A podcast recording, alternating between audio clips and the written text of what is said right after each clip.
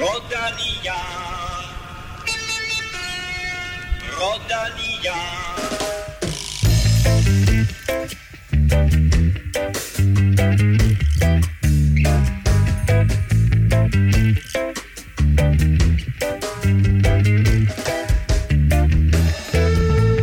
Det har været en meget usædvanlig uge. Ikke så meget på grund af coronavirus og aflyste løb, men mere fordi vi simpelthen ikke har haft nogen danske sejre overhovedet i en hel uge.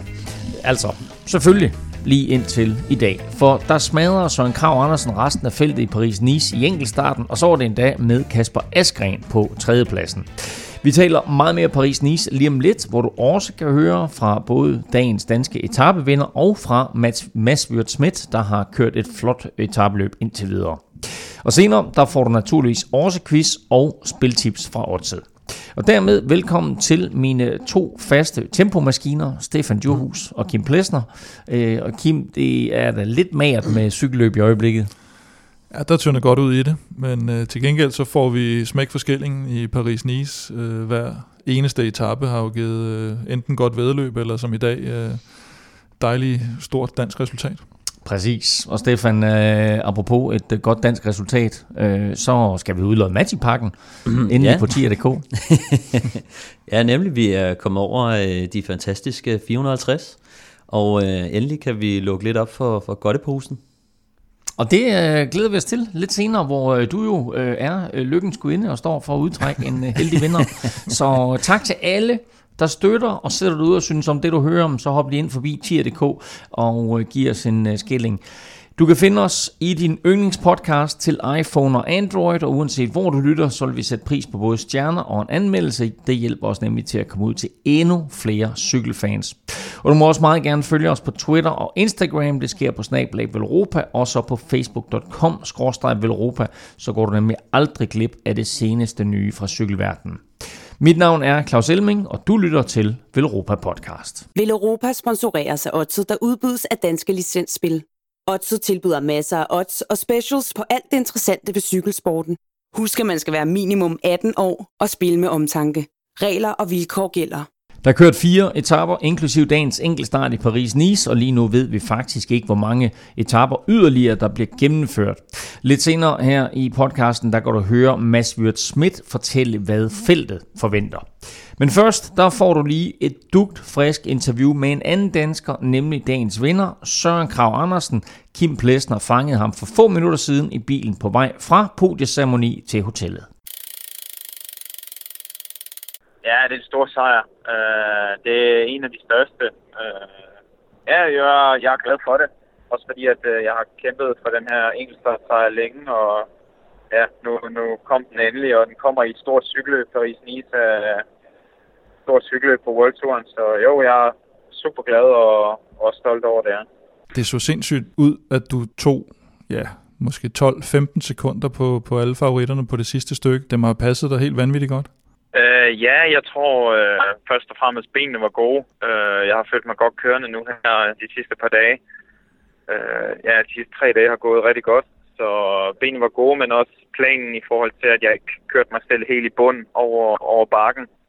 Og at jeg så havde noget at skyde med på vej hjem af øh, i modvinden. Og også selvom det gik nedad, så trykkede jeg også rimelig til. Så, så jeg tror, min plan fungerede rigtig godt, ja.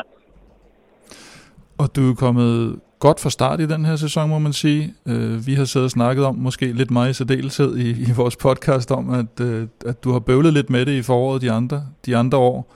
Øh, og Ja. hvil- hvilket egentlig har været usædvanligt, når man ser på dine karakteristika som cykelrytter. Øh, hvad, Ja. er det, der, hvad er det, der ændrer sig i år, tror du? Og ja, jeg føler, føler mig godt tilpas på, på min cykel, øh, og har ikke haft nogen problemer med noget, eller jeg en god vinter, øh, så, og god træning hjemmefra, stabil, og nu har jeg også første gang, jeg har prøvet øh, højdetræningslejr øh, i foråret. Øh, vi tog til Tenerife i februar i tre uger. Det, det fungerede også vildt godt for mig, så ja, jeg ved ikke, om det, det er opskriften, men øh, ja, som du siger, jeg, jeg er godt kørende, og indtil videre er det gået, øh, gået rigtig godt, ja. Men jeg var også godt kørende sidste år i Algarve, men bliver så forfærdeligt syg bagefter. Så ja, øh, jeg ved ikke, om det, øh, om det er totalt anderledes, eller om øh, jeg bare er lidt heldig i år, ja. Ja. Og det vil sige, det lover jo rigtig godt, for vi så det jo allerede i omløb, hvor, hvor, hvor du ligger godt fra land, men også til, til brostensklassikerne og et, øh, et fornuftigt hold, I har, må man sige. I kører jo godt øh, i, i tre frontfigurer.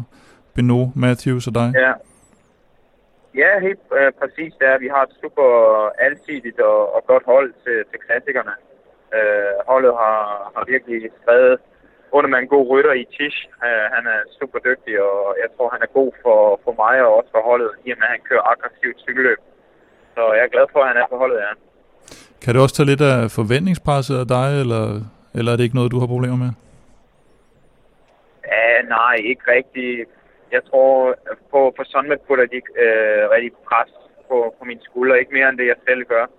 Uh, altså, det, det er ikke rigtig et problem. Uh, men ja, helt klart, Tish er, hovedfrontfiguren i gruppen, så, så presset ligger på ham, men, men vi skal også være der til at hjælpe ham, ja. så, så vi bærer det i, i fælles, øh, fælles gruppe. Ja. Er der et af forårsløbene, du har specielt kig på af, af de store? Ah, Flandern rundt og, og 1-3 kunne jeg rigtig godt tænke mig at gøre det godt i. Uh, ja, nu må jeg se, jeg, jeg prøver ikke at sætte forventningerne op for, for meget, men allerede nu øh, er det gået rigtig godt, så nu tager jeg en dag ad gangen og lad os, lad os se, hvor mange cykelløb vi også får lov at køre her i foråret med coronavirus. Det er også sådan lidt interessant, øh, hvilken udvikling det tager. Men øh, som sagt, indtil videre er jeg rigtig glad og, og tager det dag for dag. Ja. Og det gør, de, det gør I vel også lidt nede i Paris-Nice. Øh, rygterne var sådan lidt, at, øh, at I ikke kommer til Nice, og nu ser det måske ud til, at I kommer hele vejen. Og I ligger ja. relativt godt, i hvert fald for en podieplacering. Måske bliver han svær at knække uh, Schachmann, men, men hvordan skal jeres taktik, ja. taktik være de kommende dage? Ja, men vi kører for, for Tish, og Tish Binot, han ligger syv nu, tror jeg. Uh, ligger også rigtig godt til, så vi prøver at se, om vi kan få ham længere, længere frem i, i klassementet, og jeg er der til at hjælpe. Så, så lad os se, om ikke vi kan spille kortene ud og prøve at lave noget godt cykelløb, ja. Hvad med Jardannerne? Ved du, om du skal køre noget der? Nej, jeg regner med at stoppe min uh, klassikersæson efter Flandern, uh, og så tager jeg hvile, og så forbereder jeg mig frem mod Romandie og Giro. Giro d'Italia kører jeg i år. Ja, dejligt at høre fra, fra Søren Krav her, Kim. Uh, er han forårsdansker? Luk røven. ja, det går, det går klart bedre for ham i år end de andre år, vil jeg sige. Det gør det. Det er den omvendte ved Europa-effekt. Ja, altså, øh, det er jo interessant at høre ham sige det her med, at han aldrig har lavet højdetræning før, mm. og pludselig så giver det bonus. Det, ja, fordi der er, jo, der, er åbenbart, eller der er jo forskellige meldinger, når man taler med, med, med rytter, der har været på højdetræning. Nogen siger sådan, ah, det, jeg kan sgu ikke rigtig finde ud af, om det gav mig noget, eller nogen tror så lidt, det giver dem noget, men det er i virkeligheden sådan lidt en placebo-effekt, og, og, og Søren, han har så ikke prøvet det før, og kommer tilbage og kører så godt som aldrig før i foråret, så der, der kan man jo sige, at der er en eller anden form for bevis på, at det måske er det her, der har hjulpet ham. Jeg vil sige, placebo, det er, altså, det, det, det, tror jeg, det er lidt mere end det. Altså, det er så rimelig dokumenteret. Nej, for, for nogen. Stefan, det her, øh, det er jo helt tydeligt at mærke på Søren, at det er en stor sejr for mm. ham også. Øh, er det her, er det sådan, er vi vidne lige nu til, til hans endelige gennembrud på World Touren? Ja, jeg synes, han har haft sit gennembrud allerede. Jeg tror at selvfølgelig, det her, det, det lægger ovenpå.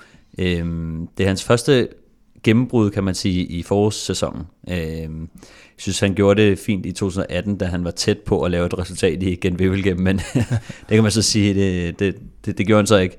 Øhm, men han har jo vundet Paris Tours før en etape i Schweiz rundt, øh, og så er han også blevet nummer 5 på, på den afsluttende enkeltstart i turen i, var det 2018 her.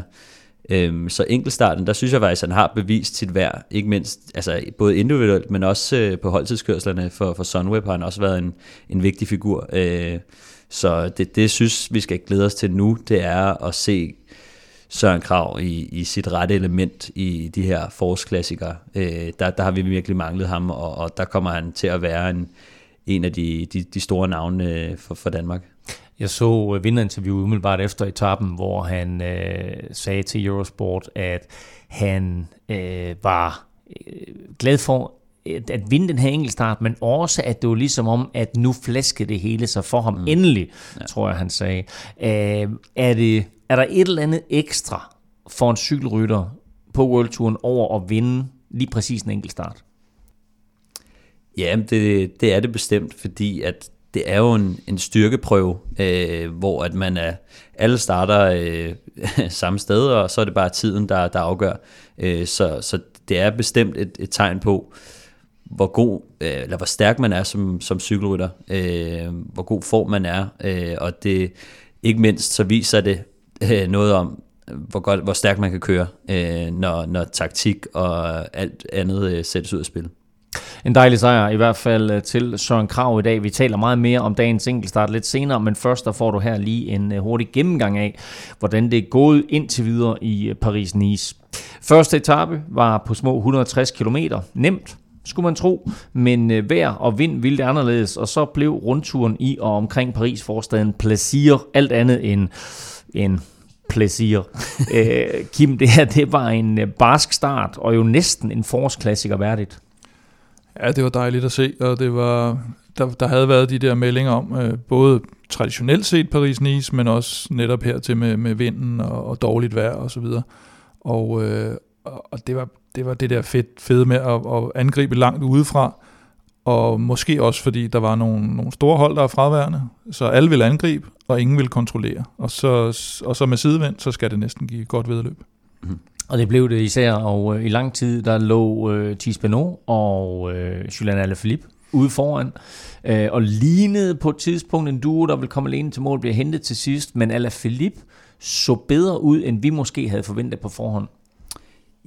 Ja, altså øh, han, han, så, han så bedre ud, end vi havde forventet, men altså, han, han viser ikke den samme topklasse, som vi så øh, især sidste år. Øhm, jeg synes, de, de fik pænt snor af, af feltet, som ikke rigtig kunne øh, samle, samle sig i jagten på dem. Øh, der var modvind, men, men jeg synes, de, de, de, de så ud til at holde meget stille, og, og Tisbenor og Alaphilippe kunne, kunne ikke øh, sætte den tid til, de skulle bruge. Øh, og det, det var jeg faktisk lidt skuffet over. jeg synes også, at øh, Alaphilippe, han, øh, han sprang lidt nemt over føringerne, Øh, jeg synes, det så ud til, at det var Tisbeno, der sådan virkelig ville og prøvede, øh, og Alaphilippe, der, der fumlede lidt med det til tider, så jeg tror ikke helt, han er, hvor, at, øh, hvor han i hvert fald kan være, men, men det, det kan sagtens, han kan sagtens nå det i forhold til, til Ardennerne i hvert fald. Og øh, uh, Thies Beno uh, øh, har været rigtig godt kørende indtil videre også. Uh, dejligt her at høre fra Søren jo, at, uh, at det lader til, at han og Thies Beno har fået et, et godt samarbejde allerede på, på Sunweb. Uh, Maximilian Schachmann øh, tog, eller vandt, vandt den her første etape, og dermed så tog han også den, øh, den første gule trøje. Han virker skarp. Ja, det gør han virkelig. Han, øh, han, han er virkelig kommet flyvende fra start i år, og øh, det er jo også efter, at han, han kom ud af en øh, sidste år, øh, der, der sluttede han sæsonen ret skidt, efter han øh, på øh, enkeltstarten i, i turen øh, styrter og brækker hånden, og, og får ødelagt den, den sidste del af, af sæsonen, hvor at altså i 2019, der kørte han også øh, rigtig stærkt. Han var øh, rigtig god på det her tidspunkt af sæsonen sidste år, der, der, der synes jeg, vi talte en del om ham. Ja, netop. Altså han var jo blevet tysk mester øh, også sidste år øh, inden turen, så, øh, så han var virkelig på vej øh, til, at lave, øh, til at få en god sæson. Men øh, Altså nu, øh, nu ser det ud til, at han, øh, han muligvis kan vinde Paris-Nice, eller, måske, eller i hvert fald gå i top 3. Øh, det er der i hvert fald rigtig gode udsigter til. Kommer an på, øh, hvor, hvor meget Paris-Nice der bliver, der bliver gennemført, men han fører altså stadigvæk, han har haft øh, den gule føretrøje siden øh, dag 1. En anden øh, Kim, der til gengæld hverken har haft en god pris øh, Nice eller en særlig god første dag, det var Born Bragil. Styrt og diskvalifikation, det var menuen for ham. Ja, det var ikke, øh, det var ikke lige efter planen øh, på, på et hold der, Kære Samsik, som ellers har fået en forrygende sæsonstart. Og så ryger ham og, og Bardet, de to, øh, de to franske håb, ryger ned i en rundkørsel med, med fedtede veje. Og, og Bardet kom, kom nogenlunde fornuftigt tilbage på cyklen, tager også noget tid, men, men Bargil, han, han vil gerne have lov at, at, lig, at få lov at ligge der bag ved, ved sportsdirektørbilen lidt i fred for, for tv-kamera, og, og havde måske håbet lidt at kunne kunne snige den hjem, så han kunne gennemføre løbet, og måske være til hjælp også for Quintana, som, øh, som godt kan bruge sådan en stærk hjælper i bjergene. Og det er jo forskellen på italiensk tv og fransk tv. Fordi italiensk tv, de har sørget for ikke at filme, hvis Nibali han skulle hjælpe. Der var gået noget galt med Fransk tv har de filmet Ron Bagil. Det er lidt dumt, men det er ikke det, at han prøver på at, at, at fedte sig vej op igennem feltet der. Jo, det er det selvfølgelig, men øh, nogle gange så, altså, nogle gange så står man i den situation, hvor går den, så går den, og det, det er sådan lidt en, en kalkuleret risiko, øh, som man kan være nødt til at tage øh, en gang imellem i hvert fald. Øh, den går dog sjældent, når man er en stor profil i cykelløbet, og specielt når man er franskmand i, i et fransk løb og er fransk mester, så, øh, så vil der være kamera på, og når der er kamera på, så er der ikke rigtig noget at gøre for, for arrangørerne til det her. Så derfor så røg øh, Bargil altså ud. Øh, Mads Wirtz, Kasper Askren og Søren Krav kom alle ind sammen med hovedfeltet øh, 25 sekunder efter etapvinderen Maximilian Schachmann, mens forhåndsfavoritter som Roman Bardet, Pierre Latour, Richie Port og Bob Jungels alle tabte over to minutter. Vi har stadig meget mere Paris-Nice på programmet, men først der skal vi have skudt quizzen i gang, mine herrer. Det står 2-1 til Stefan Kim, han halverede føringen i sidste uge, og øh, i den her uge, der har vi naturligvis et spørgsmål til Paris-Nice, øhm, og jeg vil gå så langt som at sige, at man kan, man kan faktisk tjene to point i dag. Øh, der er et point øh, til at starte med, og det kommer ved at svare på følgende spørgsmål. 6 ud af de sidste 8 udgaver af Paris-Nice er vundet af Team Sky. De vinder med garanti ikke i år. Et, fordi de ikke hedder Team Sky længere, og to, fordi de ikke stiller op. Vi ved heller ikke Team Sky sidste år. Ja. øh, jo, det tror jeg faktisk på det Nå tidspunkt jo, her. der gjorde det. Det var Ja, første april. de, de, de skiftede. Det er minuspoint allerede. Det er, det er minuspoint allerede. Nå, men anyway. 2-0. Øh, 6 ud af 8 af de sidste Paris-Nice udgaver er vundet af Team Sky. Men hvor mange forskellige ryttere har vundet for Team Sky? Det er det ene spørgsmål, øh, som giver point. Og hvis man så samtidig kan komme med alle navnene, så giver det også et ekstra point. Det er dagens quizspørgsmål til jer to, og til alle jer, der sidder og lytter med. Og der er som sædvanligt kun én regel, og det er Kim. Lad være med at google. ja, man må ikke google. Anden etape bød på ægte danskervejr, regn, våde veje og masser af sidevind. Og så sagde verdensmester Mads Pedersen ellers, husker Yorkshire og satte turboen på. To gange splittede han frontgruppen, første gang ned til 30 mand og anden gang ned til 13 mand. Han måtte selv slippe med 5 km igen, og så blev etappen vundet af NTT's Giacomo Nizzolo. Men sikke en indsats af Mads P. Ja, det var, det var beast mode. Det var... øhm, det, det, det virker mere og mere som om, han, han tager det her løb som en, en god gang træning frem mod, øh, mod øh, forårsklassikerne. Og, øh, og, og, og igen lægger han jo for land tidligt, som han har gjort de andre. Den her gang, der var han, der var han så lidt mere holdbar og gjorde virkelig, virkelig ondt på, på de andre. Og som du siger, så, så lader han så falde tilbage til sidst, men der har han altså gjort sit arbejde øh, gange to nærmest, og, og kørt øh, både Støjven og Nibali frem i front, og, øh, og, og, og fik lidt ud af det, både klassementsmæssigt og etappemæssigt. Jeg, jeg synes da også, det, det siger meget om ham, at han, han netop øh, gør sit arbejde altså 100% fuldt ud, og så dropper tilbage. Øhm, det, det er noget, man kun kan elske ham for, og det er noget, som hans, hans holdkammerater og, og sportsdirektører, øhm, de, de kan virkelig regne med ham 100%, øh, og, og han har ikke nogen skumle bagtanker. Øh, Og, og, ingen, og ingen nykker. Altså, Ingen nykker. Ikke kører rundt i nogen, øh, ikke nogen ikke? VM, tror jeg, nykker der, nej. Nej, men det er det, det, det, der er ret vildt. Altså, øh, de fleste hjælperyttere, de vil nok have, have sat sig på dæk med, med en lille smule tilbage i tanken, og så mm. kørt den med hjem, øh, bare for resultatets skyld, fordi at nogle gange i cykelsporten, så, øh, så kan det godt blive sådan lidt, at, at de der små ting, du laver hister her i, i cykelløb, det bliver glemt.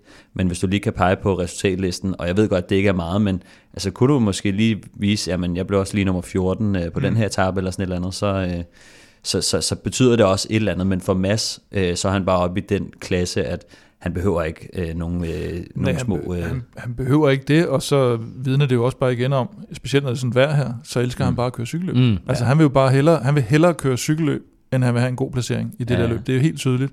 Og, og som du siger, han har ikke behov for det, fordi han har en VM-trøje, så han har bevist det. og det er jo også det, der er med til at gøre de der med, at, som vi har talt om nu øh, ret mange gange, at han udser sig de her mål, og, og så giver han hele, hele baduljen i de der øh, Mm. få løb, han måske går efter at vinde, store løb. Og så kan det godt være i sådan nogle løb her, som andre ser som kæmpe mulighed, at der bruger han det egentlig lidt som træning, og lidt til at hjælpe holdkammeraterne, og til egentlig bare at, at have en sjov dag på, på det, er, rammen. det er også den rigtige måde at gøre det på. Hvis man vil have de store sejre, så, øh, så bliver man nødt til at, at satse lidt øh, på et bræt, og så, øh, så må det andet gå til træning, fordi at altså, hvis man skal, hvis man skal være i, i topform, så, så kan man ikke sidde på, på smækken øh, dagen lang, og så, og så komme i bedre form af det. Så, så det er den helt rigtige måde, han griber det an på. Også, men det er alligevel også det er en stor scene at sidde og, og lege lidt med de andre i, i sidevinden, ikke? Jo, men og samtidig så er det, det er også rart, tror jeg, for ham, at, at han, han kan smide alt, og, og så bare øh, køre efter træning og, og køre efter at hjælpe sine holdkammerater, i stedet for, at man sidder der, og så er det sådan, åh, dig og Støjvind skal gerne lige lave resultat samtidig, og sådan noget. Altså mm. der synes jeg også, at, at både Mads, men også at holdet, de, øh, de, de holder det cool. Ja. Mm. Og nu brugte du ordet beast mode, Kim. Øh, jeg ved ikke, hvad beast hedder på italiensk, øh, men øh, Nibali var angiveligt hen ved Mads P. efter etappen, og tog ham bare lige om skulderen og sagde, du kørte som et beast i dag. etappen var kun på 160 km fra Chevreuse til Chalet-sur-Loing, men igen, der krævede de her barske vejrforhold altså sine ofre. Ja, der mest øh, i øjnefaldene var det selvfølgelig, at Quintana styrtede, og Alaphilippe punkterede nærmest på samme tid, og, og på et rigtig uheldigt tidspunkt, hvor, øh, hvor det var ved at blive, blive splittet i sidevinden. Og, øh, og de, de, tager, ja, de tager omkring halvanden minut, og, øh, og, og både Pinot og Beno og Dylan Tøns, de, øh, Pinot og Beno. Pinot, Beno og Tino. og Timo Rosen var ikke med, ellers så, ja. Øh, og så til gengæld øh, vores lille ven øh, Igita, som vi, som vi godt fik nævnt sidste gang som en, en joker. Øh, han, øh, han får altså ligesom at Nibali får, får god hjælp fra Mads P., så fik han i den grad hjælp af Sepp van Marke her de, de seneste par dage, som, som også kørte ret bæstagtigt, vil man sige. Ikke? Og, det kan og fik, være, Sepp van Marke han er engang med at udvikle sig til den der luksushjælperytter.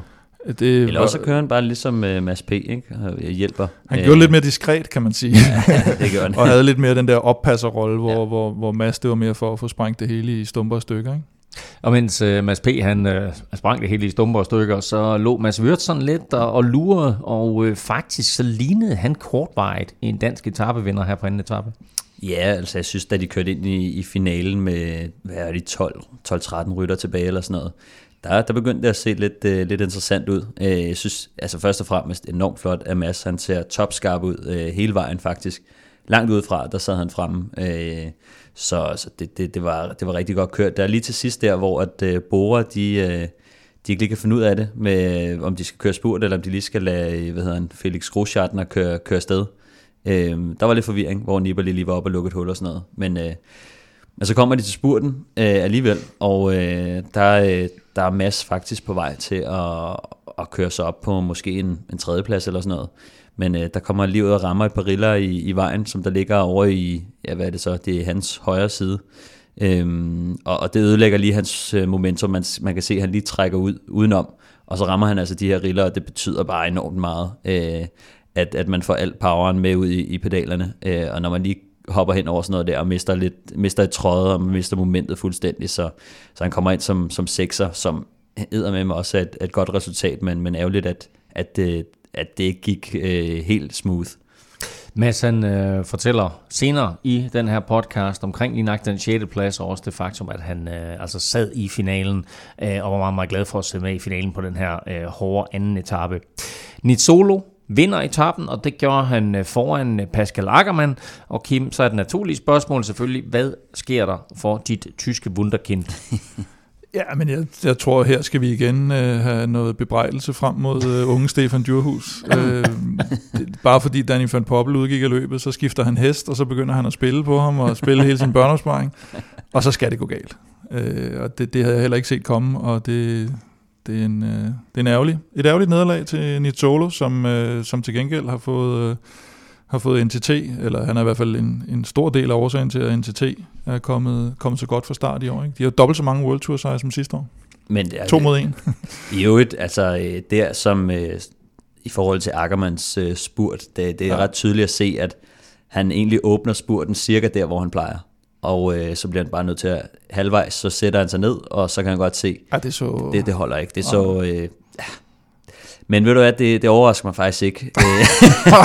ej, men, ej, men pointet er også, at, øh, at når man har kørt sådan langt, øh, cykelløb i, ja. i regnvåde veje, og det, det tager bare på kroppen, og når man så kommer til sådan en spurt med, med kolde stænger, så, øh, så aner man bare ikke, hvad der er i dem. Øh, og, og når det ser ud som om, han overvurderer dem lidt, ikke? Det gjorde han ja. øh, 100%, og det er derfor, at, sådan, at faktisk dem, der kommer lidt for sent øh, til spurten, det er ofte dem, der ender med at, at, at løbe med sejren, specielt på, på sådan her type etape. Ja, så fik han jo revanche for, øh, var det Lesamin, eller hvor var det Hugo, han vandt, øh, Hofstetter? Ja, det hvor, var hvor, hvor i solo, han, øh, hvor man tænkte, den tager han jo helt sikkert, ja, og så tog han den ikke helt sikkert, og, blev, og så nu fik han lidt revanche for den, ikke? Og dejligt, vi igen fik øh, nævnt øh, Hugo Hofstetter. Ja. Øh, det var jo også en sejr, den her, som uh, Nizzolo bagefter dedikerede til sin hjemmeegn Lombardiet og til sit hjemland Italien, der som bekendt er meget hårdt ramt af corona i øjeblikket. Tredje etape var løbets længste indtil videre, 214 km fra Chalet til La Chartre, og selvom vejret viste sig fra sin pænere side, så blev det stadig en benhård dag på cyklen. Og det hele endte i sådan en lidt underlig spurt, hvor alle de store kanoner måtte se sig snydt af Ivan Garcia Cortina fra Bahrain Merida. Quickstep sad ellers fint med, med med tre mand foran Sam Bennett, men så gik det helt galt. Og Stefan, hvis man sådan kigger på det, så tænker man bare, hvad skete der helt præcis for Mørkøv og kompagni i den situation? Ja, det, det gjorde man. Jeg, de, de så godt nok øh, færdige ud, da de kom ind til den der, øh, ind til finalen der. De sad godt. Øh, Stibber, han, øh, han satte dem ellers øh, rimelig godt op, men det var bare tydeligt, at, at de havde ikke fart, de havde ikke benene til at, til at køre videre på den. Øh, øh, man kan se, at øh, Lampard, han får øh, fronten, og, og så er der ikke rigtig noget bid i det, og de bliver faktisk, øh, man kan se, at der kommer nogle lottorytter, nogle andre rytter, der, der begynder at overhale dem, og faktisk så Mørke han slår ud, inden øh, Lampard han slår ud. Så det hele øh, falder bare sammen for dem øh, i sidste øjeblik. Øh, og så, øh, så skal Sam Bennett øh, altså til at finde et andet hjul. Så han dropper tilbage og øh, skal freestyle lidt. Øh, og så var der øh, igen, så Kom var der Hugo, Hugo Hofstetter. øh, han, øh, han sidder og roamer lidt rundt inde i midten der, og øh, han ser lige pludselig, øh, hvad hedder det, han ser lige pludselig hullet mellem, øh, hvad hedder han, Case Boll og øh, Caleb Ewan, og så øh, var der altså, så var det altså sidste chance.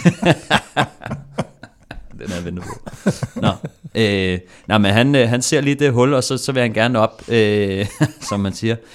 Øhm, og øh, og der, der er det altså tydeligt, at, at Caleb Ewan og, og Case Boll, de, øh, de lukker ham ikke ind i kampen der, og det er slet ikke hans kamp at tage. Øh, så, så der synes jeg godt nok, at han dummer sig, fordi at de lukker, øh, som de skal, så lukker de døren, og øh, det ender med, at han kommer op og ride på, øh, på Caleb Ewans øh, hjul. Og så, så, så ryger de ud i banden og tager, øh, hvad hedder det, um, Sam Bennett, tager Sam Bennett med. Ja. Så det, det, det er uheldigt, men jeg synes faktisk i øvrigt også, nu vi lige fik nævnt det ligesom inden før, der var han altså også ved at rive et par stykker på røven øh, mod, mod slutningen, så, så han, han slår mig lidt som, som et røvhul, der, der ikke er så... Øh, der ikke tænker sig så meget om. Øh, jeg ved godt, at mange gange så en sprinter skal have det der i sig. Øh, men, men, men altså, man skal også vide, man skal kende sin position. efter ikke? sin sejr måske. Jeg tror faktisk, at han, han tror, at nu kan han gå på vandet, og øh, selvfølgelig øh, skal han ikke op og, og, og smide øh, Caleb Ewan væk fra, fra, fra sin position, og, og det, der må han bare lære det. Altså, der, der har sgu ikke jeg har sgu ikke ondt af ham. Altså, nu ved jeg, at de, de kom, der var ikke nogen, der kom slemt til skade, så, mm. så jeg synes egentlig, det er fint fortjent, at han lige får, øh, får nogle skrammer der, fordi at, at det, det er, ja, jeg ved sgu ikke rigtigt, det er bare sådan, det gør man også, ikke rigtigt. Der var også en situation, hvor Bennett var oppe boks med, med Quintana, tidligere, oh, ja, hvor, hvor Quintana kommer til at ligge det der med, at klassementsfolkene nogle gange kommer til at ligge lidt langt fremme, fordi de ja. skal holde sig fremme. Netop. Og der får han altså nogle, ja, jeg tror også, han fik en bøde. Han fik nogle ja, UCI-point og 800 Schweizer frank eller sådan noget, ja. for lige at, at bokse ja. til ham en ja, det, så også, det så også slemt ud. Men jeg vil, jeg vil så også... altså, jeg vil, altså, både skal klassementsrytter holde til, fordi at det bliver splittet op øh, så mange gange her i Paris-Nice. Øh, og, øh, og der skal man holde sig til. Der er jo nogen, der mister et par sekunder hister her, og, men der er Sam Bennett altså bare iskold, og der går han ind og giver ham en lærestreg, og, mm. og det er sådan noget, man ser ofte. Altså, de, de store rytter, de ved godt, de er store, og det bruger de bare. En, der måske er på vej til at blive stor, det var etapvinderen, Ivan Garcia Cortina.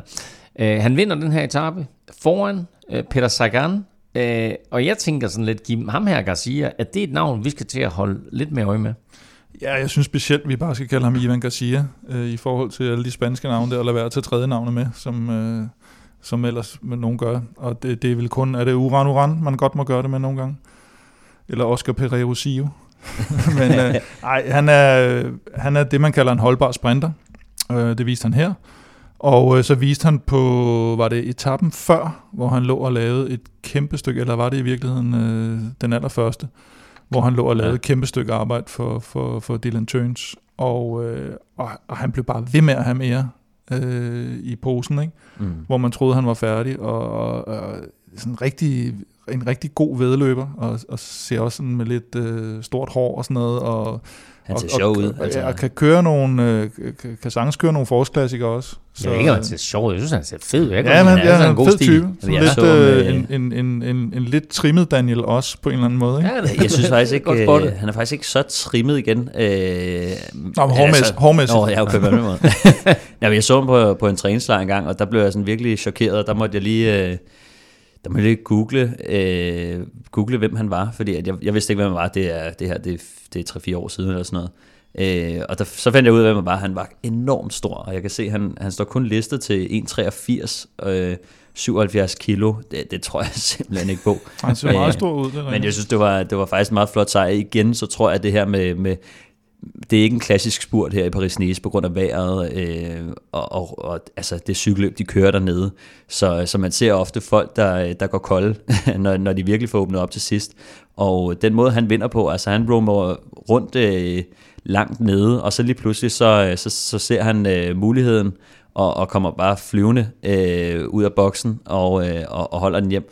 Og han kører faktisk, altså han kører rent fra, fra Peter Sagan i den her mm. spurt, som som Peter Sagan var måske den eneste sprinter øh, her på den her etape, som sad perfekt hele vejen igennem. Øh, alle de andre, de, de, de kørte over det hele og, og mistede deres positioner og åbnede øh, for sent eller for tidligt. Og, og styrte. Øh, ja, så, så det er faktisk meget fint, at han lige kommer med, med svung på og, og, og slår en Peter Sagan øh, på den her etape. Tre super fede etapper til at indlede Paris-Nice. Øh, som, hvis man kigger på det, synes jeg, bliver kørt på en, en lidt anderledes måde, end, end vi normalt er vant til at se etabeløb på. Bliver der kørt bliver der kørt stærkere i år, fordi rytterne er lidt usikre på, hvad der kommer til at blive kørt af cykelløb efter det her Paris-Nice, bliver det kørt anderledes? Hvordan ser du det, Stefan? Øhm, jo, altså en ting er selvfølgelig øh, vinden og vejret, øh, det skaber et, et bestemt slags cykelløb, men jeg tror netop også nu, øh, hvor alle de andre cykelløb øh, bliver, bliver aflyst, øh, så ved de sgu godt, at, at de her øh, cykelløb, der skal man få noget ud af det. Øh, og, og de ved ikke, hvad, hvad der kommer på sigt, så jeg tror, de griber det lidt mere an som, som et endagsløb. Øh, altså de ved godt, at det her det er måske en af de få mm. chancer for at vise sig frem. Øh, og når så der er vind og, og regn, så, øh, så er det bare med at komme derud af, og det, det synes jeg øh, har skabt et enormt fedt cykelløb, fordi at der er nogle af dem, der ved, at jamen, de ved sgu ikke engang om klassikerne de bliver kørt, eller de detaljer bliver kørt, så, så det er altså bare med at komme, komme derud af nu. Etappen blev som sagt vundet af Ivan Garcia Cortina, der for nu af kun hedder Ivan Garcia. Tak skal du have. Mads Wirt Schmidt, han holdt sig fremme, og han hentede faktisk et par sekunder på den førende Max Schachmann og hoppede op på fjerdepladsen i den samlede stilling. Inden vi kigger nærmere på Paris-Nice, så vil vi lige sige tak til nu over 460 lyttere, der støtter os på tier.dk. Det er ganske enkelt enestående. Tusind tak til alle. I er med til at holde Europa podcast i luften. Og Stefan, som nævnt i begyndelsen, så skal vi nu have fundet vinderen af Mati Pakke 2. Ja, det, øh, det skal. Undskyld, hvis jeg tog dig lidt på sengen der. Ja, ja. øhm, Jamen, øh... Nå, vi kan også lige først og fremmest, Kim. Hvad er der den der Mati Pakke 2? Åh, oh, jamen den er jo lige her jo. Der er jo, øh, der er jo, han, er der en kasket Så, også? Nej, der, der, nej, den er ikke nogen kasket. Der, der er handsker. Der er handsker jo. Der er de der kompressionsben. Og øh, støttestrømper, skråstreg hat og skrueovertræk og arm. Var det arm eller benvarmer, vi blev enige om for Stana? Arme, og så smed vi en Velropa-kasket oveni. Så er Velropa-kasketten, ja, og den så, har der været billeder af i dag. Og så den der Sagan-bog, som uh, Stefan skulle signere. Stefan, signeret af Stefan Juhus. Nej, det er kun, hvis uh, personen vil have det. Signeret uh, af Stefan Juhus. Nej, men jeg har trukket uh, vinderen, oh. mens jeg lige har siddet og kigget på præmier. Uh, ej, uh, uh, vinderen, det er uh, Harpe, snabelag, noget, som jeg ikke vil sige øhm, men øh, det er knaldtilfældigt øh, udvalgt, men han, øh, han lægger fem lodder i puljen, og det er en af dem, der har der er blevet Fedt. trukket. Så altså, stor tillykke til Harpe. Øh, Hans Petersen, kunne det være? HAP? Det kunne faktisk godt Ja. ja. være. Ha, ha, Eller-. Ja, Habe. Øh, prøv at høre. Øh, Habe, øh, hvad der end gemmer sig bag de fire bogstaver. Tusind, tusind tak til dig. Øh, og øh, kæmpe stor tillykke, naturligvis, med den her præmie, som øh, du får med posten en af dagene, eller eventuelt selv kan komme forbi og hente. Øh, vi skal jo have fundet en øh, ny præmie. Kim, øh, den næste mailepil, mailepil, Mailepil. mailepil, milepæl, Maile- mailepilspræmien. milepæl er ved 500. Ja, det er en, det er en Det, mailepil, det, det er en mailepil, der vil noget. vi, er, vi er på 462 nu. Ja, det er rigtigt. Og Og, der skal vi, øh, der vi skal vi på altså 500. have, sku- øh, og det sidder nogen derude med, en gammel cykel eller noget af værdi. En gammel cykel. Nej, det skal være en ny cykel. En ny gammel okay, cykel. Vi, vi, gør det her, vi, vi gør det her med 500 på en helt ny måde. Sidder du derude og lytter, og vil gerne donere en eller anden overfed præmie, så tager vi den ind, og nævner naturligvis øh, dit eller din virksomheds navn i Velropa Podcast, og så udløjer vi den her præmie ved 500 personer. Ja. Er det sådan, vi gør Det det? skal have en værdi på mm, 50 50.000 millioner. eller Ja, 50 mere. millioner. 50 millioner eller mere. Så, ej, det skal være en, det skal være en fed præmie, ja. Ja. så øh, lad, os, lad os få nogle bud ind på, hvad, hvad det kunne blive, og så trækker vi altså lod om den her blandt alle 10 støtter ved, ved 500. Øh, beløbet, som øh, du donerer, det er valgfrit, og øh, du donerer hver gang vi udgiver en ny podcast, og når du så donerer, så deltager du altså automatisk i lodtrækningen om fede præmier. Du finder link på både velropa.dk og på tier.dk. Og for alle vores lodtrækninger, der gør vi det på den måde, at for hver femmer du donerer, der får du et lod i puljen, så jo større beløb, jo flere lodder, og dermed altså større chance for at vinde. Så øh, hop ind forbi tier.dk nu, ligesom Habe og 461 andre har gjort, og giv os lidt kærlighed, og giv dig selv chancen for at vinde fede præmier ved den næste mailepil. Vi skal tilbage til Paris-Nice, og øh, for kort tid siden, der er fjerde etape så kørt, og den havde vi set frem til. Den var en blot 15 km enkeltstart, og med Mads Wirtz-Smiths evner i den ensomme disciplin, ja, der var der håb om, han kunne køre sig yderligere op i klassementet, og samtidig var Kasper Askren blandt de største favoritter. Og hvordan gik det så? Jo, men der ikke kan køre i foråret, smadrer alt og alle. Søren Krav Andersen vandt foran Schachmann og med Kasper Askren som træer, så altså dobbelt dansk på podiet. Askren han sad længe i hot seat og blev altså kun slået af Søren Krav og så øh, den gule trøje Maximilian Schachmann. Øh, og med hensyn til Askren, Kim, så mener du rent faktisk, at øh, han måske have, kunne, kunne have kørt sig på podiet sammenlagt også i Paris-Nice. Jeg er ked af lige at måtte korrekse dig til at starte med, Ja, men det er åbenbart det, jeg skal i dag. ja. Han nåede dårligt nok at få taget en ny trøje på, før han ikke længere sad i hot seat, fordi Søren Krav kom ind og overtog hans. han, sad ikke længe, sidde der lidt. han sad ikke længe i hot seat. Altså, længe er... Hvis, hvis, hvis det for eksempel er koldt, så Det kommer er længe... på, hvad det er, vi ja, snakker om. Ja, præcis. Altså, Ja.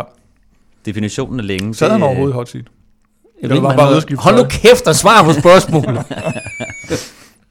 Jeg tror til gengæld, han kunne have vundet. Nej.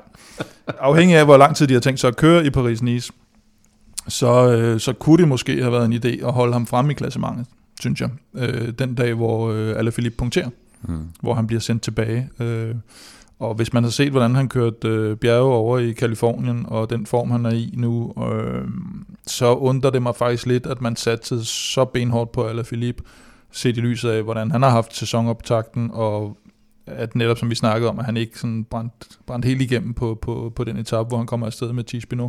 Men det er et løb i Frankrig, og, og der er selvfølgelig en, en masse ting der, og Bobby Ungels var kørt bagud i klassementet, så, så, så de har tænkt, nu, nu tager vi den, og, og Askren har måske også sagt, at jeg, jeg kommer sgu ikke med op over de bjerge der. Så, øh. Men ellers så har han vel ligget en 30 sekunder efter Schachmann nu, ikke? Og, og, og, og ham tror jeg da godt, han kan køre nogenlunde lige op med i, i bjergene. Mads Wirtz øh, lå godt til inden i dag, men øh, han kom ind 52 sekunder efter sin landsmand. Det virkede umiddelbart sådan lidt skuffende, men kan vi ikke godt tillade os at sige, at det er godkendt? Jo, altså jeg synes øh, med, med rutens beskaffenhed taget i betragtning, øh, så, så synes jeg faktisk, det gik okay. Det synes Mads nok ikke helt, øh, og, og han kan også godt køre stærkere øh, på, en, på en lidt fladere tonserrute, hvor at han trods alt er, er bedst. Øh, han, han har nogle gange bøvlet lidt med, med bakkerne. Jeg tror, det var det, der, der, der satte ham lidt ud af spillet. Øh, at han måske har sat sig lidt for meget, altså har brugt lidt for mange kræfter på, på den bakke. Han ender som, som 29'er øh, i, et, i et meget stærkt felt, og det, det synes jeg trods alt er bedre end at blive nummer 30 det, er, det, det, det, det er der, du er skarp. Jeg vil bare lige sige, øh, altså, øh, lige om lidt, så skal vi høre det her interview med Mads Wirt Schmidt, hvor han tydeligvis er skuffet over sin placering. Men som jeg også spørger ham om interviewet, så er det altså en placering, hvor han øh, ender 52 sekunder efter vinderen, øh, altså øh, Søren Krav, men det er altså, hans tid der er altså kun et sekund langsommere end Quintana, og et sekund hurtigere end Nibali, der trods alt er to af favoritterne lige nu til at vinde løbet sammenlagt. Ja, men, men Mads er selvfølgelig mere enkeltstart specialist, og, øh, og det var ikke en decideret bjergenkelstart, kan man sige. Og jeg tror bare, han havde sat næsen op efter også i forhold til, hvad form han er i, og han er begyndt at træne lidt mere med, med enkeltstartscyklen, så, så derfor så skal, så skal han også være lidt, lidt skuffet øh, som, som, som specialist. Men vi så også en Victor Campenart, som jeg også havde troet ville, ville tage den her hjem. Så den var åbenbart lidt mere til, til all-round-rytterne, og, og måske også lidt mere noget, noget teknisk og svært at bedømme, øh, som Søren Krav sagde. Han, han, han ramte den lige rigtigt med at disponere sine kræfter. Øh, og så så jeg faktisk, øh, det har jeg egentlig ikke tænkt over før nu, at øh, der er jo sådan nogle, der er en eller anden hollænder, der laver sådan en computerberegning af, hvordan det kommer til at gå i de her. Og der kunne jeg godt se, at det var lidt underligt, fordi han havde faktisk Mads Wirtz på 29. plads på den her enkeltstart. Oh. og jeg tænkte, det, det er sgu lidt langt nede, ikke? Altså, ja. og, og, og jokede med en eller anden på Twitter, han kommer nok i top 30, ikke? Eller, jeg tror, han lå omkring 29 eller 30, ikke? og det kommer altså til at passe relativt godt. Øhm, der Men jeg så... tror, jokede du ikke med, og det vedmål, du kom med på Twitter, var det ikke top 20? Nej, det var top 30. Og der var du heldig. Held, heldig nok. heldig nok. Nå, men jeg talte med Mads, uh, Mads Schmidt uh, kort inden vi gik i luften. Han sad i holdbussen, og derfor så skal vi altså lige beklage, at der er lidt lydunderfald, uh, lydudfald undervejs. Hej, det er Mads. Hej Mads, det er Claus Elming. Hej, så. Hej du. Er det, sidder du i en bus, eller hvad sidder du? Jeg kan høre noget larm i baggrunden. Det er Polly, der sidder og fortæller røde historier. Mads, er det okay øh, en, øh, en hård enkeltstart i dag. Øh, hvordan, øh, hvordan så du øh, etappen derude? Øhm, jamen, jeg synes egentlig, jeg kom udmærket i gang, men det viste sig bare, at jeg havde ikke, ikke power til at køre op over de, øh, de bakker der. Øh, og, og så var jeg bare for langt efter allerede ved, ved mellemtiden. Øh, og, og det, så kunne jeg jo se, at der stod et, øh, øh sådan en digital ur, hvor jeg ser allerede var langt efter. Så, så selvom, selvom jeg vil give den alt, hvad jeg har til mester skulle lige lidt øh, motivation der. Så, så tog den ikke 100% hjem over, før, før der skulle træde til sidste mål, hvor jeg så synes, jeg kører stærkt. Men ja, altså, jeg, jeg skulle skuffe det oven på i dag. Øh, men øh, men jeg har haft tre gode dage indtil videre, og så, øh, så tager jeg det med mig, og, og jeg kommer også til at købe op de næste to dage. Hvad var sådan dit... Hvad var ja, dit... Sku, skuffende i dag, men, men altså ja, der, der er sgu ikke så meget at sige til det. Hvad var dit håb eller din ambition for dagen i dag? Jamen altså, oven på de sidste par dage, så havde jeg store ambitioner for i dag, og, og, og troede virkelig på, at jeg kunne køre i, i en top 5.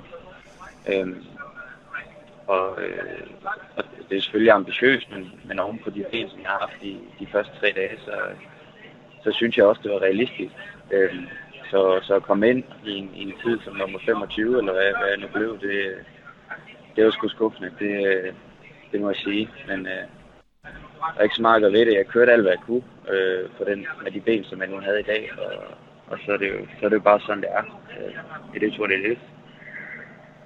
Nu er der nogen, der kører rigtig stærkt derude, men altså hvis du kigger lige omkring dig, så kører Cantana et sekund hurtigere, end du gør, og Nibali kører et sekund langsommere, og det er trods alt to andre, der bliver ind til klassementet, så det er ikke helt skidt, det du har præsteret i dag.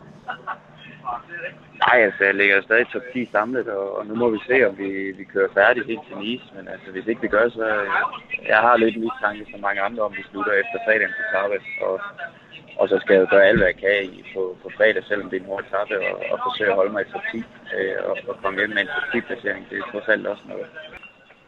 Det er onsdag i dag, det vil sige, at der er formentlig øh, to etaper tilbage, og så må vi se, hvad der sker lørdag og søndag. Nu siger du, I hører rygter. Altså, hvad hører I, og fra hvem hører I det? Jamen, der er jo snak i, i feltet, ikke? Altså, øh, der, øh, der, der er folk, der har jo hørt fra et eller andet sted, at borgmesteren i Nice, han vil ikke have, at vi kommer derned, og nu er der lige en eller anden Grand Fondo nede i Nice, der også er blevet aflyst. Øh, så at der, der, er ikke rigtig, der er ikke nogen, der ved, hvad der, hvad der sker. Der er ikke noget officielt meldt ud, og det er jo sådan i cykel, cykelverdenen, det er en lille verden, og, og lige så snart der er en, der hører et eller andet, så bliver det oplæst op til proportioner. Øh, altså lige pludselig, så bliver der malet fanden på væggen, og jeg ved ikke hvad. Så, øh, altså, der er jo ikke noget, der er sikkert, og, og folk snakker. Men, øh, men det, der har kørt de sidste par dage, det har været, øh, at borgmesteren i Nice, han vil ikke, øh, han vil ikke have fældet dernede. Og, og altså også med alt det lort, der sker i, i Italien, og de er fuldstændig på lockdown. Jeg, jeg tror sgu heller ikke, det er alle rytter, der er sådan helt komfy med at skulle, skulle derned, fordi der er, der er ikke nogen, der, sidder, der gider at sidde 14 dage i karantæne på et eller andet øh, lortehotel her i Frankrig. Lad os kigge på noget øh, lidt mere positivt, nemlig dine første tre dage på cyklen. Øh, der sidder du altså med fremme øh, på trods af sidevind og på trods af, barske forhold, og kører dig egentlig i en flot position der. Du lå nummer 4 inden dagens etape. Ja, altså jeg, jeg er sindssygt glad for den måde, jeg har kørt løbet på, og, og øh, har haft rigtig gode ben. Øh, og sad i en finale øh, i Vuelta-løb for, for første gang øh, på anden etape. Øh, Øhm, så, øh, så det har været rigtig fedt, øh, og de ben, de, de skal nok komme igen i morgen og i overmorgen. Øh, og, og, og øh, så jeg skal ud og køre nogle, forsøge at køre nogle flere finaler. Øh, det, det viser helt klart, at jeg har taget et, et step op hen over vinteren, og, og endelig ved at ramme det niveau, som, som jeg selv mener, jeg har potentiale til. Har du gjort noget andet i forhold til forberedelse til sæsonen, end du plejer at gøre? Jamen, altså, jeg har fået, fået Nicky Sørensen som, som træner, og, og vi har arbejdet rigtig godt sammen. Øhm, og jeg har kørt lidt anderledes i træning, og har haft noget mere fokus på... Altså, nu bor jeg i Girona, hvor i den Spanien, hvor der er gode bjerge og træning og så videre, men, men de eneste intervaller, jeg har kørt i bjergene, det har faktisk når jeg, kun været, når jeg skulle køre køre styrkeintervaller, ellers så har vi haft fokus på at køre intervaller på flad vej, fordi det er på, på flad vej i bakketerræn, hvor, hvor jeg skal køre, køre stærkt i cykelløb. Øhm, så har vi haft noget fokus på øh, at, at køre noget mere kadence på, øh, for at få bedre tråd. Øh, så jeg kører rigtig mange intervaller på, på 45 minutter til en time, hvor jeg har siddet med kadence 110-120 og fået skide under røven med det. Men, øh, men det har virket. Øh, og, øh, og det har været en sindssygt god vinter. Jeg har ikke haft nogen skader, jeg har ikke haft nogen, noget sygdom, øh, hvilket bare er sindssygt vigtigt. Så, så jeg er kommet igennem vinteren på, på 100 procent. Altså, øh, ikke haft nogen setbacks, og, og så er det bare et, jeg er rigtig glad for holdet. Øh, jeg har det godt her, og god støtte fra, fra alle sportsdirektører og hele performance-teamet. Og, øh, været på kostprogram også for, for at blive skarpere der. der. Der er blevet gjort flere ting i år og hen over vinteren fordi vi simpelthen bare har haft flere muligheder, end vi havde ved Katusha, øh, hvor der ikke rigtig blev investeret i, i noget som helst.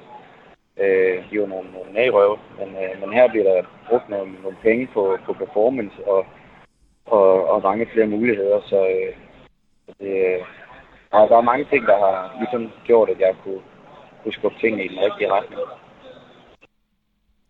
Det er godt at høre. Øh, hvordan med, med, med dit forårsprogram her, er du lidt bange for nu, at, øh, at med din gode form og alt det forarbejde, du har lagt her, at øh, løbende de sådan bliver aflyst om ørerne på jer?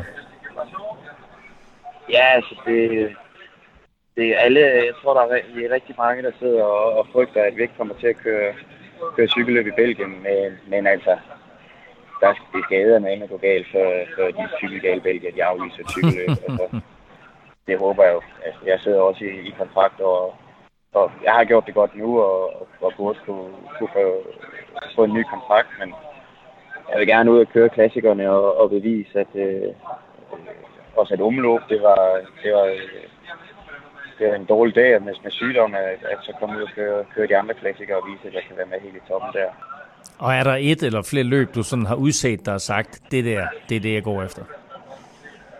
Jamen, helt klart, øh, helt klart på B. Øh, det, det er løb, jeg har, nu har kørt det tre gange, og nok styrte jeg ud den ene gang, men, men begge de to gange, jeg har, har gennemført det, der har jeg kørt rigtig godt, synes jeg. Og, og, og nu hvor mit niveau det ligesom er, er blevet bedre, så, så håber jeg på, at jeg kan, kan sidde i finalen i, i Roubaix og, og køre et rigtig godt resultat.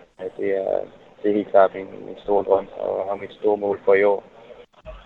Det er godt, Mads. Vi holder øje med dig. Tak, fordi du havde tid til at være med her. Jeg har sgu altid. Du må hilse øh, Djurhus og, og. Jamen, øh, det kan du tro. Det er godt. Øh, og held og lykke her de sidste to dage, eller hvor mange der nu bliver til i Paris-Nice. Ja, tak skal du have.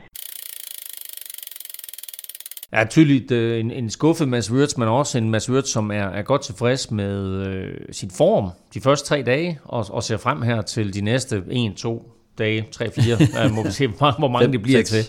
til. Øh, Stefan, noget af det, jeg lægger mærke til, det er, øh, det er øh, ligesom Søren øh, Krav tidligere, der siger han, at, at den forberedelse, han har haft her op til sæsonen, og måske en op, omlægning af træningen, har betydet mm. meget for ham. Ja, jeg synes øh, specielt det, som, som Mads snakker om, at han, han er begyndt at køre intervallerne lidt mere på, på fladbane, og øh, at han er begyndt at køre øh, med højere kadence til sit træning. Øh, lidt længere intervaller med høj kadence. Det er noget, som Mads han er jo lidt kendt for at køre i en, i en stor mølle, og, øh, og, og han måske arbejder lidt med det. Øh, det, det tror jeg kan give godt, specielt i sådan nogle øh, hurtige cykelløb, som det har Og været. bare, lige, altså bare lige for os, øh, der ikke lige er inde i cykeljargonen 100%. Stor mølle, betyder det stor tandhjul, eller bare at han trykker hårdt, eller hvad? Ja, det er så små, øh, ja, bagpå i hvert fald. Han, ja. han kører i, i et tungt gear, øh, og, øh, og, og begynder at lægge sig lidt om, øh, og køre, køre nogle intervaller med, med let gear. Det giver et andet spol, og det gør også, at man i, i hurtige cykelløb kan føle sig lidt bedre tilpas, øh, og kan være lidt mere ovenpå, fordi at, øh, at når man træner, så kører man ofte langsommere end til cykelløb, øh, og det gør så, at man til cykelløb ofte kører lidt højere kadence. Øh, så, øh, så og det, høj kadence hvad er det? det er mange omdrejninger. Nå, nej, men så hvad, hvad snakker vi? Snakker vi 100, 110, 120? Hvad snakker Jamen, det vi? ser han jo selv, ikke? Han ser jo øh, 100 til 100-110, og det er sådan øh, relativt højt. Jeg tror, for mig selv, når jeg trænede, så lå jeg måske på omkring øh, 80, og når jeg så kørte cykelløb, øh, så kørte jeg måske et par 90 i, i snit, ikke? Så det, det siger bare noget om, at man ofte kommer til at køre lidt tungere gear til træning, og at man, den der tilvænding til cykelløbsfarten øh, og, og spolet i, i benene, det, det gør bare, øh, det gør man lidt, lidt mere klar til det. Og det, det tror jeg bare er en af de små detaljer, som, som Mads øh, han er blevet gjort opmærksom på og, og har taget til sig. En anden ting, der er vigtigt også for en, en cykelrytter, Kim, øh, jeg ved ikke hvorfor. Det, hvor, det er ikke et spørgsmål, det, det er bare en konstatering. Du skal fortælle mig nu, hvad der er vigtigt for en Ja, fordi du aner det ikke. Ja, Nej, men, præcis. men det er jo det her Også med at, det, det, er jo det her med at føle sig godt tilpas. Ja. Og det lader til, at der er sket nogle strukturændringer efter, at Katusha ligesom har taget bagsædet. Ja, øh, det, det virker i hvert fald som om, at, øh, at, at Mads han føler sig lidt mere tilpas, og, og vi har jo også talt lidt om det der med, at, at det måske også er lidt mere vigtigt for ham end, end så mange andre, at føle sig tryg på holdet og, og så videre, og, og, og, og der har jo så tydeligvis været nogle ting, han, øh, han begynder at lukke lidt op for nu, der har været irriterende ved at køre på Katusha, og, øh, og som nu er blevet bedre. Og, og så er det jo aldrig helt godt, uanset hvor man kommer hen, så kan man altid finde et eller andet, men, øh, men det ser i hvert fald ud som om, det er, det er positiv fremgang. Og har du en øh, fornemmelse af, hvad der sker med Mads i fremtiden? hvad der sker med i fremtiden. Ja. Altså, hvis jeg nu skal lave den omvendte Velropa-effekt, så skal jeg jo øh, sige, at han ikke kommer til at klare det så godt. Nej. Øhm, jeg synes jo, at, at i forhold til, til hans kontraktår og så videre, så, så, så som han også selv siger, øh, han har allerede bevist noget i, i Paris-Nice. Hvis der ikke kommer til at blive kørt så meget, så, så er han en af dem, øh, en af de få rytter, der kan, der kan præstere et resultat i foråret, hvis, hvis det hele kommer til at ligge stille de næste par måneder. Og så tror jeg faktisk, at han allerede har bevist nok til, jeg kunne sagtens forestille mig en, øh, en gut som Bjørn Ries, øh, der sidder med, med NTT-pengepunkten nu, at, at han skulle egentlig bare have en forsikring om, at, at Mads han kan holde, øh, holde nogenlunde niveau, så tror jeg, at den er, den er relativt sikker Og der det- næste år. Det betyder enormt meget i, i, de, i forårets øh, cykelløb. Øh, det er der, man, man sikrer sig kontrakten. Mm. Øh, der bliver lagt rigtig meget mærke til, til, hvem der gør det godt her i Paris-Nice, som er måske det første store øh, cykelløb. Ikke, øh, altså, selvfølgelig er der omløb og andre, men det er sådan et af de helt store mm. cykelløb, hvor man virkelig ser, hvem, hvem kan noget i år, og hvem skal vi Men regne også, med. men også fordi det hurtigt bliver for sent. Altså fordi det er netop den der klassiske med, at kontrakterne skrives senest under Tour de France nærmest, ikke? selvom ja. de først bliver offentliggjort i august-september. Så skal man altså, eller man risikerer at sætte sig selv under et gevaldigt pres, hvis man ikke har en kontrakt i maj-juni. Man, man charmer sig ind øh, i foråret, og så tager man snakken i, øh, i maj-juni, og så øh, skriver man under i ja, juli og offentliggør i august. Mads Wirtz, han ligger på trods af dagens tidstab øh, stadig i top 10. Han er nummer 8, 1 minutter 11 efter Max Schachmann. Og med sejren i enkeltstarten, der hoppede Søren Krav altså øh, ganske flot frem i klassementet. Han ligger faktisk nu nummer 2 sammenlagt, 58 sekunder efter den førende tysker.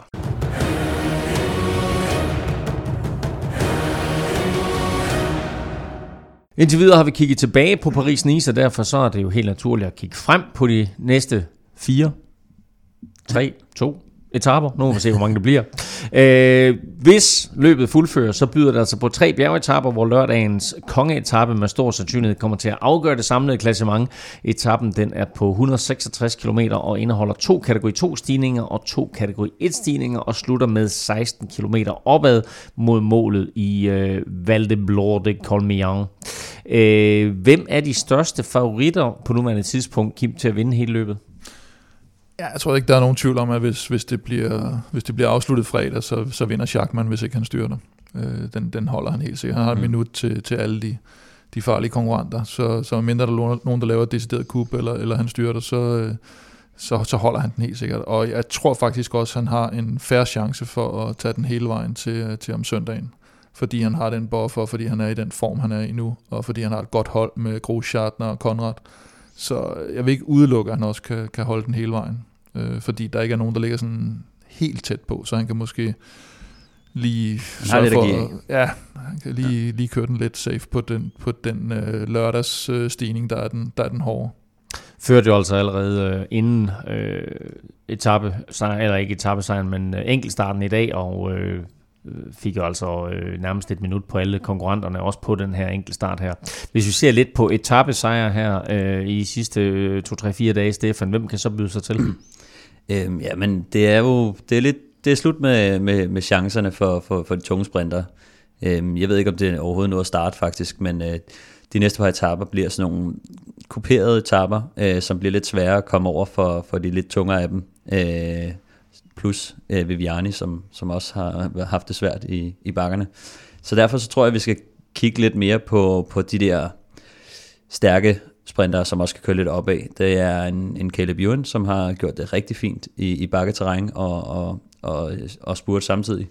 Der er Nitolo, som virker til at være i sit livs form. Øh, så øh, har jeg lagt meget mærke til en Michael Matthews, som har, har siddet rigtig pænt med. Øh, jeg tror godt, øh, vi kan forvente at se lidt til ham øh, på de næste par etapper. Eventuelt en Peter Sagan, øh, som nok får... Øh, ja, han skal selvfølgelig hjælpe øh, Schachmann, øh, men ser ud til, at øh, de lidt har droppet planen om at køre for, for Ackermann. Så, så han, det kan være, at han kan blande sig i de her finaler på, ja, det er så 5., 6. og muligvis 8. etape, hvis, hvis det bliver kørt.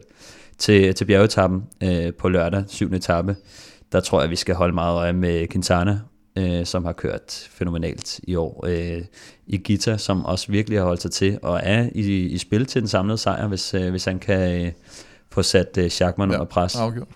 Øh, og så selvfølgelig øh, Vincenzo Nibali, som øh, virkelig har overrasket. I, i, altså, han har siddet virkelig godt med, og, øh, og vist, øh, vist god form i år, så, så han kunne også øh, blive en, en farlig gammel rev øh, på, på den etape øh, på lørdag.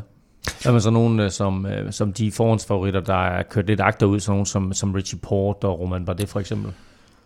Mm, ja, jeg, jeg synes måske ikke helt, de er der, hvor de har ikke set ud til, at de er der, hvor de skal være. Øh, men med hensyn til Gita vil jeg sige, også lige nævne, nu vi nævnte, at Schachmann havde et godt hold, så Gita har selvfølgelig Woods og, og TJ Van Garderen. Mm. Så han er jo også, og han er klar først udfordrer, i, hvis de når til bjergene. Øh.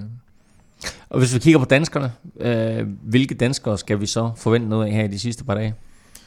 Øh, jamen, jeg synes egentlig alle dem, der er i form, og det, det er heldigvis mange af dem. Søren Krav. Øh, ja, Kasper, Kasper Askren, Søren Krav, Mads Wirtz, øh, har jo helt klart vist, øh, vist formen og, og, og kan gøre noget her på de, de, de kommende to etaper. Og så, så, altså, så Mads P. er så lidt jokeren, hvornår han har tænkt sig at tænde og slukke for motoren hvor, øh, hvor Valgren han holder den sådan lidt mere low-key, og også har sagt, at jeg, jeg, han bruger det mere som sådan en slags øh, lidt mere defensiv træning frem, for, mm. frem mod, øh, mod, øh, mod forårsklassikerne. Øhm, og så Mørkøv, han skal selvfølgelig køre for, for Sam Bennett, så langt, øh, mm. så langt det nu giver mening at køre for ham, hvis, hvis det overhovedet gør det. Hvordan er Sam Bennett sammenlignet med de her lidt mere puncheur-typer, du nævner tidligere, øh, Stefan? Ja, øh, Sam Bennett er helt klart også derop. Øh, han har også øh, imponeret mig flere gange ved at sidde over nogle, nogle knolde, som jeg ikke havde troet, han ville sidde med på. Han er, øh, han er også en virkelig stærk. Jeg er lidt i tvivl om, han har ikke rigtig fået det til at spille endnu. Øh, holdet har ikke rigtig fået det til at spille endnu og øh, han har været nede at ligge, så, øh, så har jeg lidt afskrevet ham for nu, men han, han, altså, hvis, han, hvis han virkelig ikke er rørt af, af de tæsk, han har fået, øh, både øh, på cyklen, men også øh, styrt og mentalt, så kan han også være med. Øh, jeg tror, i forhold til danskerne, øh, der skal vi specielt holde øje med Kasper Askren selvfølgelig, og øh, fordi at han stadig ligger, han er jo to, lidt over to minutter øh, fra, så jeg, jeg tror, vi skal kigge lidt mere på udbrud. Øh, der, der kunne Kasper muligvis snige sig med i et udbrud, øh, som selvfølgelig skal holde sit snor af, af, af hvad hedder det, Bora. Ja. Øh, Valgren øh, kunne sagtens være et bud på... på øh, Lige skal ud og teste, teste Ja, fordi han har efterhånden også frie tøjler. Øh, ja. De har ikke noget til klassement, og de har Nit Solo som, øh, som, som sprinter, men, øh, men de skal helt klart have, have nogle mand med i udbrud, øh, de her kuperede, på de kuperede etaper, og der skal han helt klart være, være en af dem, der, der kører ud, fordi at han er ved at være i form, og han skal øve sig på, på bakkerne. Så, og de to næste etapper her, de kunne godt minde lidt om den Tour de France etape, hvor han og Magnus Kort, de kommer øh, mm. til mål i en otte og så Magnus Kort ender med at vinde etappen. Mm. Og jeg sagde jo i vores, i vores forrige podcast, at øh, jeg godt kunne se Valgren lave noget stort her i, i Paris-Nice, og skal det være, så skal det vel være på de næste to etapper. Ja, helt klart, og jeg tror også, at han, han, han må sidde hjemme og tænke, fuck mand, nu... Øh nu skal jeg, nu skal jeg også til at, til at komme derud, fordi de andre danskere, de har, de har vist sig til frem nu, så, så han kan selvfølgelig også, og, og jeg tror, han bliver spændende at følge i et, i et udbud. Med det på plads, så lad os få nogle øh, spiltips på banen, de her. Yes. Øh, vi skal have de tre sædvanlige. Velropas vinder, Stefan Staltip og Plesners podie, og vi lægger ud med Velropas vinder. Kim? Ja, det gør vi. Og øh, den tager vi sådan relativt safe, eller det ved jeg ikke, om man kan sige, der er noget, der er safe i det løb her, øh, om, om etappen overhovedet bliver kørt. Kan vi, det er, det er lørdagens etape, det, det er lørdagens etape. Ja, øh, så syvende etape. Som, som jo er løbets kongeetappe, og som har den her stigning til sidst, øh, 16,5 km med lidt over 6% i snit, tror jeg. Og, og op mod mål, hvilket er væsentligt, for det er der ikke nogen af de andre etaper, der er, så det er der, man må formode, at, at de store bjergrytter sætter deres angreb ind. Øh, og der skal angribes øh, noget udefra, hvis man skal hente, øh, hente alvorlig tid på Schachmann. Øh, Quintana, som vi har været inde på, øhm, øh, havde, var uheldig på, på den ene etape, og han skulle ikke have været uheldig, hvis han skulle have ligget helt frem i klassementet. Men der er ikke noget, øh, der er ikke noget, der tyder på dårlig form, og han har været øh, flyvende på de bjergeafslutninger, der har været i de, i de løb, han har kørt. Så, så en 2,85 ligger den på som vinder på lørdagens etape lyder øh, som et, et fint odds for øh, en, en etape, der ligger, øh, som du siger, Kim, til Quintana. Øh, så kommer det, vi alle sammen venter på. Stefans staldtip.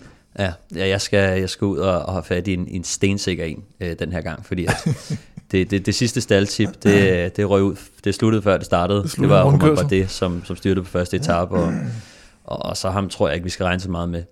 Jeg har kigget på øh, Sergio Igita, som øh, har kørt... Øh, virkelig stærkt i år, vandt jo øh, Tour of Colombia og, og har gjort rigtig god figur, har siddet med i, i, i, i frontgruppen alle dagene. Og øh, han er jo en, en rigtig skarp bjergrytter. Det, det har han vist flere gange. Han kan samtidig også afslutte. Øhm, Sig, øh, Igita i, i top 3 øh, til odds 2. Det, det synes jeg er et, et rigtig pænt odds. Altså, det, det er jo en, en et bjerg, som ikke kommer op på de helt skarpe procenter, derfor kunne jeg godt mistænke, at de kom et par mand til mål. Og der har Sergio Higuita bare en, en finish, øh, der gør, at, og en form lige nu, som gør, at jeg, jeg, jeg kan simpelthen ikke, den, den kan jeg ikke, øh, jeg kan ikke se, at den skulle, øh, så skulle det være, fordi der, der kørte et udbrud. Mm. Øh, mhm. det tror jeg er sådan set den, den største trussel mod det her odds. Så altså uh, Sergio Gita i top 3 til odds 2, uh, og så mangler vi kun lige uh, Plesners podie. Ja, men jeg vil bare, nu sidder jeg nemlig lige og kigger på vores uh, spilforslag fra sidste uge, og jeg vil sige, dit uh, staldtip holdt jo faktisk længere end uh, Velropas vinder fordi han røg ud allerede inden løbet startede. Nå, ja. så du holdt trods alt til rundkørselen på første etape. Det var Primus Roglic. Ja, det, det var, var lidt Roglic. kaos den var, inden øh, løbet. Den var lidt svær at, at, at, at, finde ud af, om han ville have vundet eller ej. Øh, men øh, Plesters Pole, ja, der går vi lidt øh, hårdere til værks og satser lidt.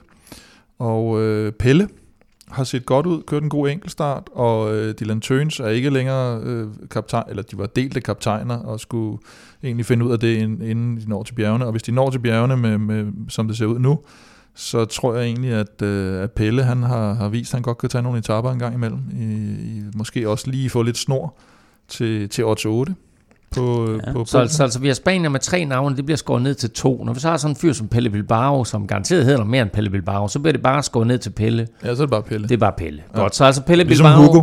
Øh, Pelle Bilbao, er det, er det som vinder? Eller det Nej, det er, po- det er podium. Det er podium. Altså Men hvis top, han vinder, øh, går den også hjem. Top. tak. Ej, men jeg synes bare, det er et godt odds, øh, odds 8. Ja, men det, øh, og hvis man er en, rigtig fræk, så spiller man ham så vinder for også. For en podieplacering. Han har også en, en okay afslutning, faktisk, ja, ja. synes jeg, han har vist før.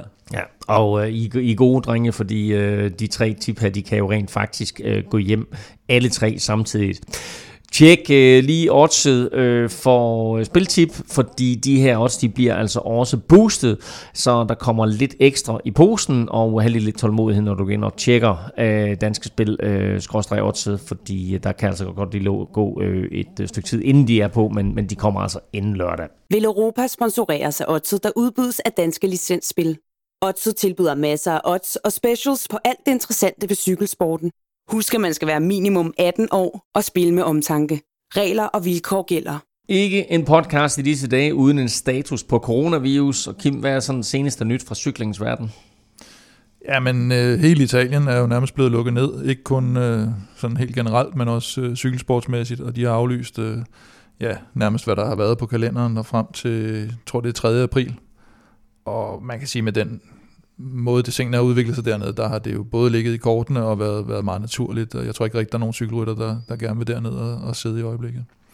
Øh, og så har der jo været øh, det første bekræftede positive test øh, fra en rytter nede i UAE, som var ham her, Gazprom-rytteren, jeg faktisk dårligt kan huske, hvad hedder, øh, som, øh, som røg på hospitalet og blev testet negativ fire gange, men så femte gang bliver han testet positiv, og, okay. og er på hospitalet og har det fint, men, øh, men det viser bare lidt om det her usikkerhed omkring, hvorfor er det, de skulle blive dernede, og hvad er det egentlig, og hvorfor nu, og, og, og det der lidt af det mærkelige, det er jo så, eller pussy, det er, at øh, der er så nogen, som er, er, er sendt hjem, som er testet negativ tre gange, og ham er blevet testet negativ fire gange, men havde det så femte gang, så, så hvor mange der så har fået noget med hjem i posen, det, det ved vi ikke.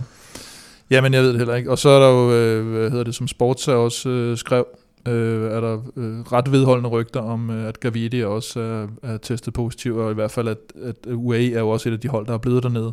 Så der er i hvert fald nogen i, og i det er noget med, Det er noget med, at der er, det skulle være bekræftet, at der er en kolumbianer, der er testet positiv, og den eneste kolumbianer, der var tilbageholdt, det var Gaviria. Ja, i hvert fald ryttermæssigt, så teknisk set ved man jo ikke, om der render en eller anden mekaniker eller sonjør rundt. Eller, der har jeg hørt, noget. at øh, der ikke er nogen, øh, der er ikke noget staff, der er kolumbianer. Men det er også, det, det, altså på, hvis du læser Twitter, så er det jo, så står der Gaviria, ikke? Og de, de laver også et, et tweet ud i dag med, at de så, øh, så frem imod, at øh, Gavida igen kunne vinde en af sine flotte sejre, som han havde gjort her i, mm. var det San Juan eller sådan noget. Det, det kunne man jo så tolke, som man ville, men det var da i hvert fald ikke noget, de, de gjorde ikke noget for at afkræfte, at øh, de rygter, der havde været, men, men måske mere sådan en mellem linjerne, at, at han måske ikke havde det så godt i øjeblikket.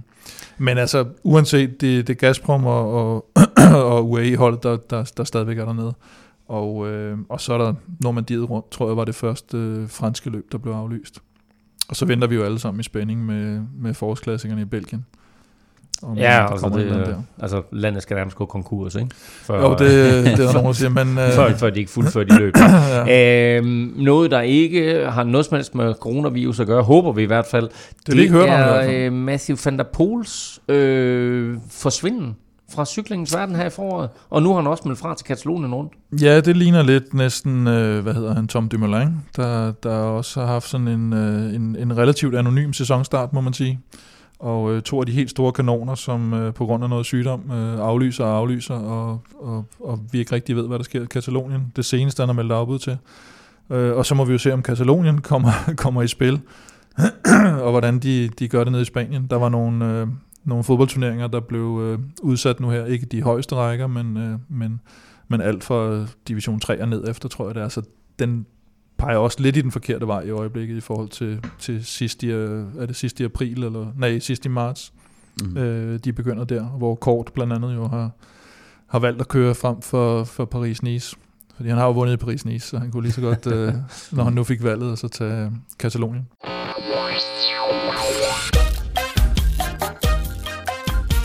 Og så er vi kommet til øh, et af de mere spændende punkter af den her podcast, vil jeg mene, fordi det her det er afgørelsen på quizzen, og da jeg satte quizzen i gang, der begyndte Kim meget demonstrativt allerede at tælle på fingrene, som om den har du.